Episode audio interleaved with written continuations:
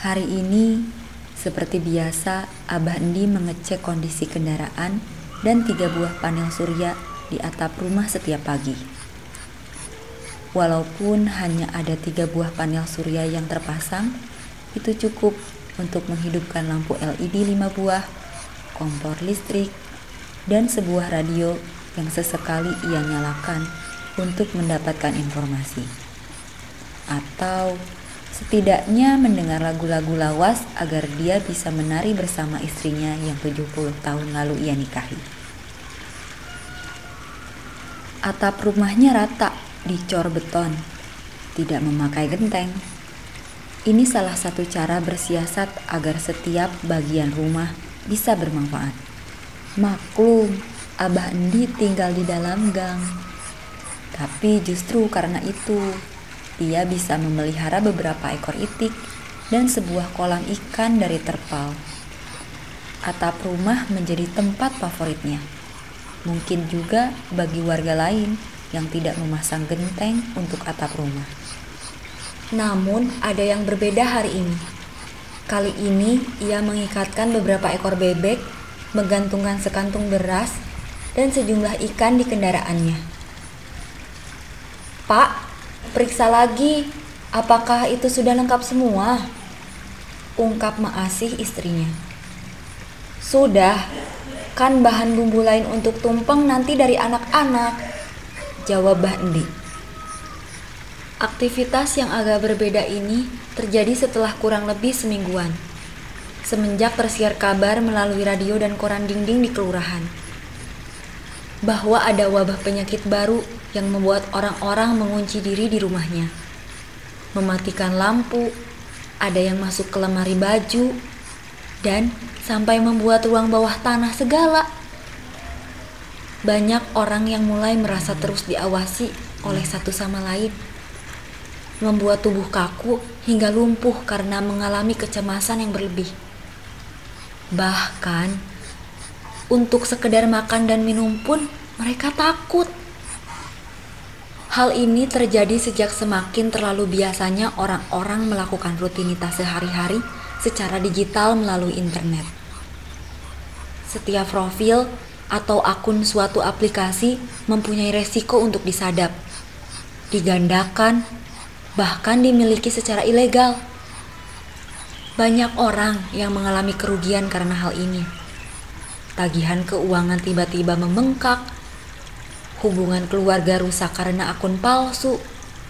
Bahkan, masyarakat tidak tahu telah terjadi jual beli data untuk kepentingan bisnis dan kampanye para elit politik. Adu lapor pun semakin menjadi tidak hanya antar lembaga pemerintah dan perusahaan swasta. Setiap orang saling melaporkan, saling menuding kemungkinan peretasan dan pembocoran data-data privat satu sama lain. Bagi masyarakat yang banyak mengomentari kinerja pemerintah, mereka langsung ditangkap oleh pihak kepolisian dengan dalih dituduh mencemarkan nama baiklah, dianggap mengujar kebencian lah, atau dicap sebagai penyebar berita bohong.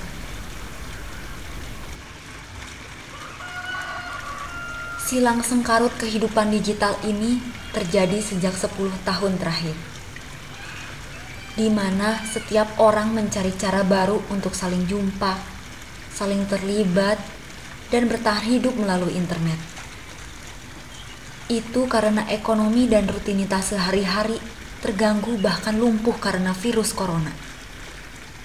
Sedangkan vaksinnya baru ditemukan di tahun 2026. Itu juga harus dibeli dengan biaya yang sangat mahal. Selama masa wabah dan transisi penemuan vaksin, Indonesia sudah mengalami pergantian kepemimpinan negara sebanyak dua kali. Presiden yang pertama memutuskan mengundurkan diri karena didesak masyarakat serta merasa gagal menghadapi wabah. Sedangkan presiden yang kedua terpilih karena memenangkan pemilu yang saat itu seperti wajib mengkampanyekan visi hidup sehat dan peduli lingkungan. Presiden yang terpilih kemudian memenuhi janjinya dengan membagikan panel-panel surya dan kendaraan drone bermuatan dua orang untuk setiap kepala keluarga. Tapi, walaupun pemerintah seperti berganti dengan wajah yang lebih sadar lingkungan dan ditemukannya vaksin virus corona, tidak membuat orang-orang kembali ke kehidupan yang dianggap normal. Mereka masih menyimpan curiga terhadap satu sama lain. Bahkan, negara pun semakin curiga kepada warganya. Abah Endi dan istrinya dikategorikan sebagai lansia, yang juga berarti dianggap sangat rentan terkena penyakit. Mereka mempunyai keberuntungan untuk tidak menaruh hidupnya di internet. Mereka mempunyai kebiasaan yang dilakukan secara turun-temurun dari lingkungan masyarakat yang masih percaya pada upacara bersama dalam menghadapi wabah penyakit. Terlebih, mereka bercita-cita untuk mempunyai kandang itik, kolam ikan, dan kebun di masa tua. Mereka tidak terlalu khawatir atas krisis pangan. Kebiasaan ini dituruti oleh anak cucunya yang tinggal berdekatan membentuk sebuah kampung baru di perbatasan Bandung Cicalengka. Setelah semua tersiapkan dengan baik, Abah Endi dan Mak Asih kemudian mengenakan pakaian seperti pakaian pilot untuk melakukan penerbangan. Pakaian penerbangan ini kurang lebih berbeda dengan pakaian yang diberikan pemerintah karena sudah didesain ulang oleh anaknya sendiri. Perpaduan warna army yang digunakan pada pakaian itu menjadikan kesan terlihat keren dan gagah untuk dikenakan seorang lansia. Jaketnya yang pasti tubuh dilengkapi dengan perangkat keamanan tersembunyi di balik baju yang dirancang sedemikian rupa sehingga tidak mengganggu kenyamanan saat dikenakan. Tidak lupa, pakaian dilengkapi dengan helm dan kacamata. Setelah Abah Endi dan Mak Asih selesai mengenakan pakaian berkendara, mereka mengecek ulang, memastikan barang bawaan terikat dengan kuat dan solid. Kemudian, Abah Endi memasangkan helm ke kepala Mak Asih dengan sangat hati-hati mereka menaiki kendaraan. Maasih mendapat giliran pertama dengan bantuan Mbah Endi. Kemudian giliran Abah Endi naik ke kursi kemudi. Mesin kendaraan dinyalakan dengan menekan satu tombol.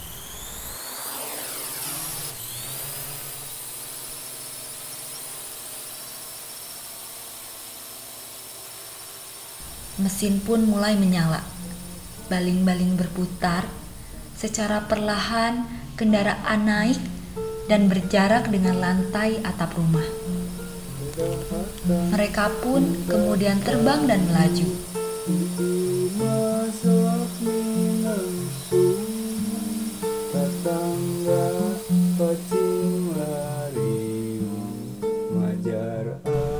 Upacara tumpengan ini direncanakan Abah dua hari sebelumnya.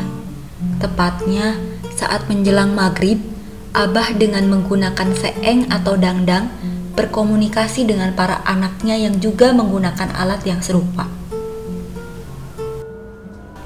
Ujang, engke isu pageto, urang numpang. Tong hilap, wartosan baru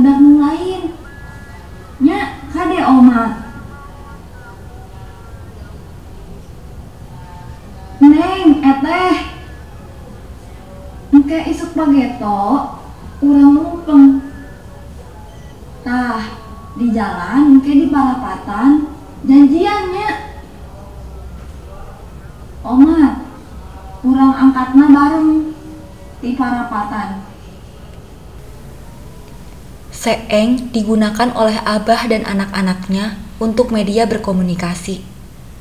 Abah Endi menyebutnya sebagai komunikasi secara batin, sebagai alat alternatif berkomunikasi tanpa internet. Di seperempat perjalanan, kendaraan warga lain juga ikut berlalu lalang dengan tertib. Di perempatan daerah Buah Batu Soekarno-Hatta, mereka bertemu dengan tiga kendaraan anak dan cucunya yang menunggu.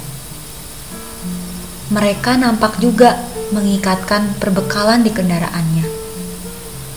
Abah memberhentikan lajunya tepat di depan tiga kendaraan anaknya dan melangitkan tangan kirinya ke atas yang diikuti oleh pengemudi di belakangnya sebagai tanda bahwa mereka siap untuk konvoi dan melaju bersama.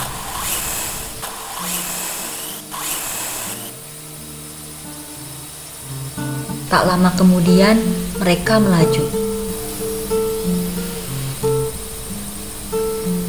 Kedua anak yang melaju bersamanya itu adalah si Cikal dan si Bungsu. Mereka tidak seperti anak-anak Abah Endi yang lain yang memilih tinggal di perbatasan Bandung Cicalengka. Pilihan itu dikarenakan agar mereka tetap bisa datang dengan cepat jika tiba-tiba diperlukan dan berkunjung kapan saja jika merasa kangen dengan Abah Endi dan Mak Asih. Tidak akan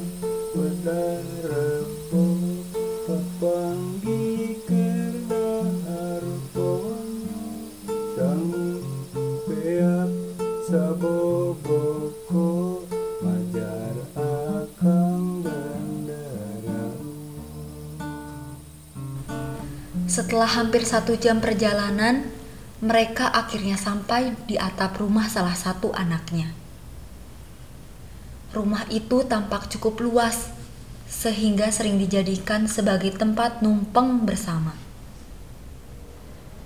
Semua anak cucunya sudah menunggu di tengah rumah, termasuk tetangga lain.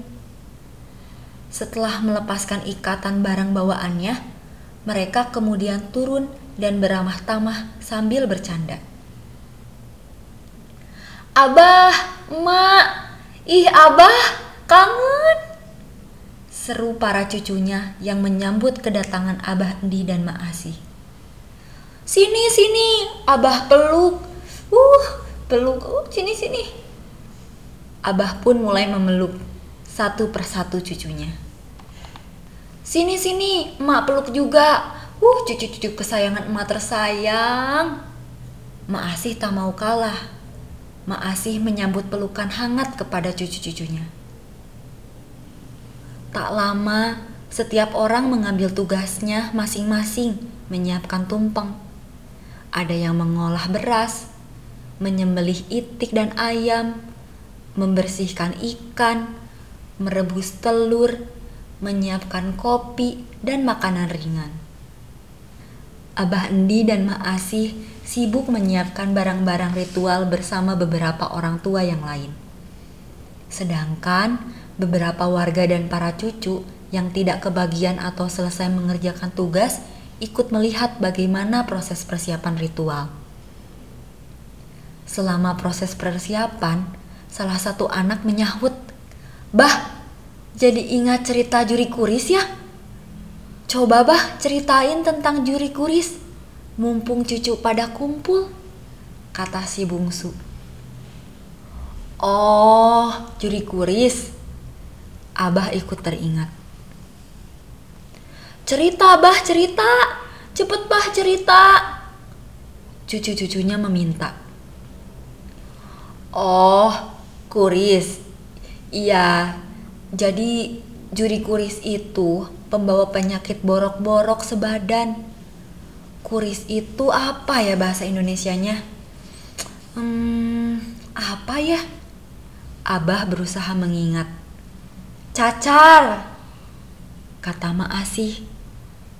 Oh iya, cacar. Pas Abah masih kecil, waktu itu belum saling cinta ya, Mah ya? Goda Abah Endi ke Mak Asih. Mak Asih pun tertawa kecil sambil tersipu malu. Jadi, begini ceritanya. Dulu, tahun 50 sampai 60-an, Abah masih kecil. Oh iya, Abah bukan orang Bandung asli, tapi dari Garut. Bapak Abah pindah ke Bandung untuk mencari uang dengan menjual jasa angkut barang di stasiun. Pakai delman bapaknya Abah dulu punya delman. Sementara dulu masih jarang orang yang punya mobil atau motor. Dulu pas masih kecil, Abah ikut acara numpeng teri sekampung kayak gini. Syukuran tolak bala karena semua warga di satu RT terkena kuris. Atau sekarang disebutnya cacar. Penyakit ini menular seperti corona dan seperti sekarang. Efeknya bisa sampai borok seluruh badan, sampai ke wajah juga.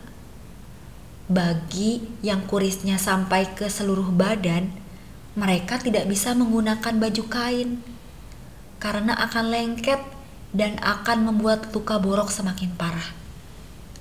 Sebagai gantinya, mereka menggunakan daun pisang. Dulu juga sama seperti corona.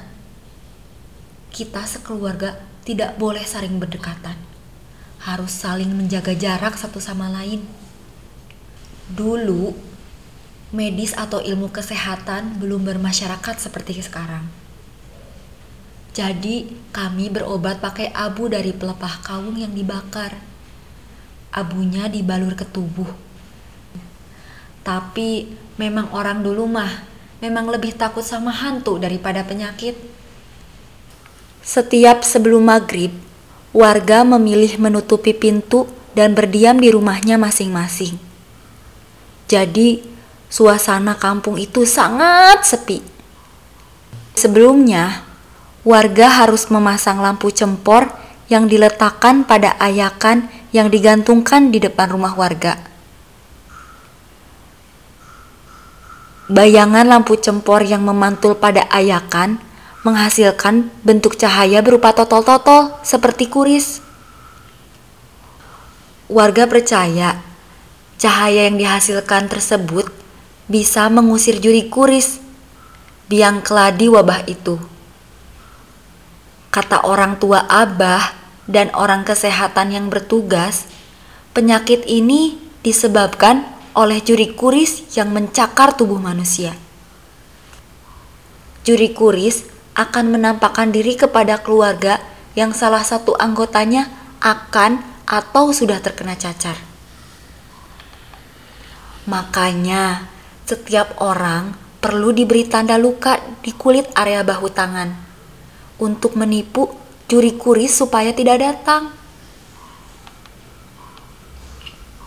Caranya dengan menyayat kulit sedikit, membuat luka atau diturih dengan alat semacam besi yang biasa digunakan untuk menulis kaligrafi yang dibawa oleh orang kesehatan. Lalu setelahnya disiram spiritus karena belum ada alkohol. Padahal pas udah dewasa, Abah tahu itu yang disebut vaksin. Banyak warga yang pada kabur dan lari bersembunyi karena takut disayat. Mereka mungkin berpikir, orang sehat kok malah dibikin cacat.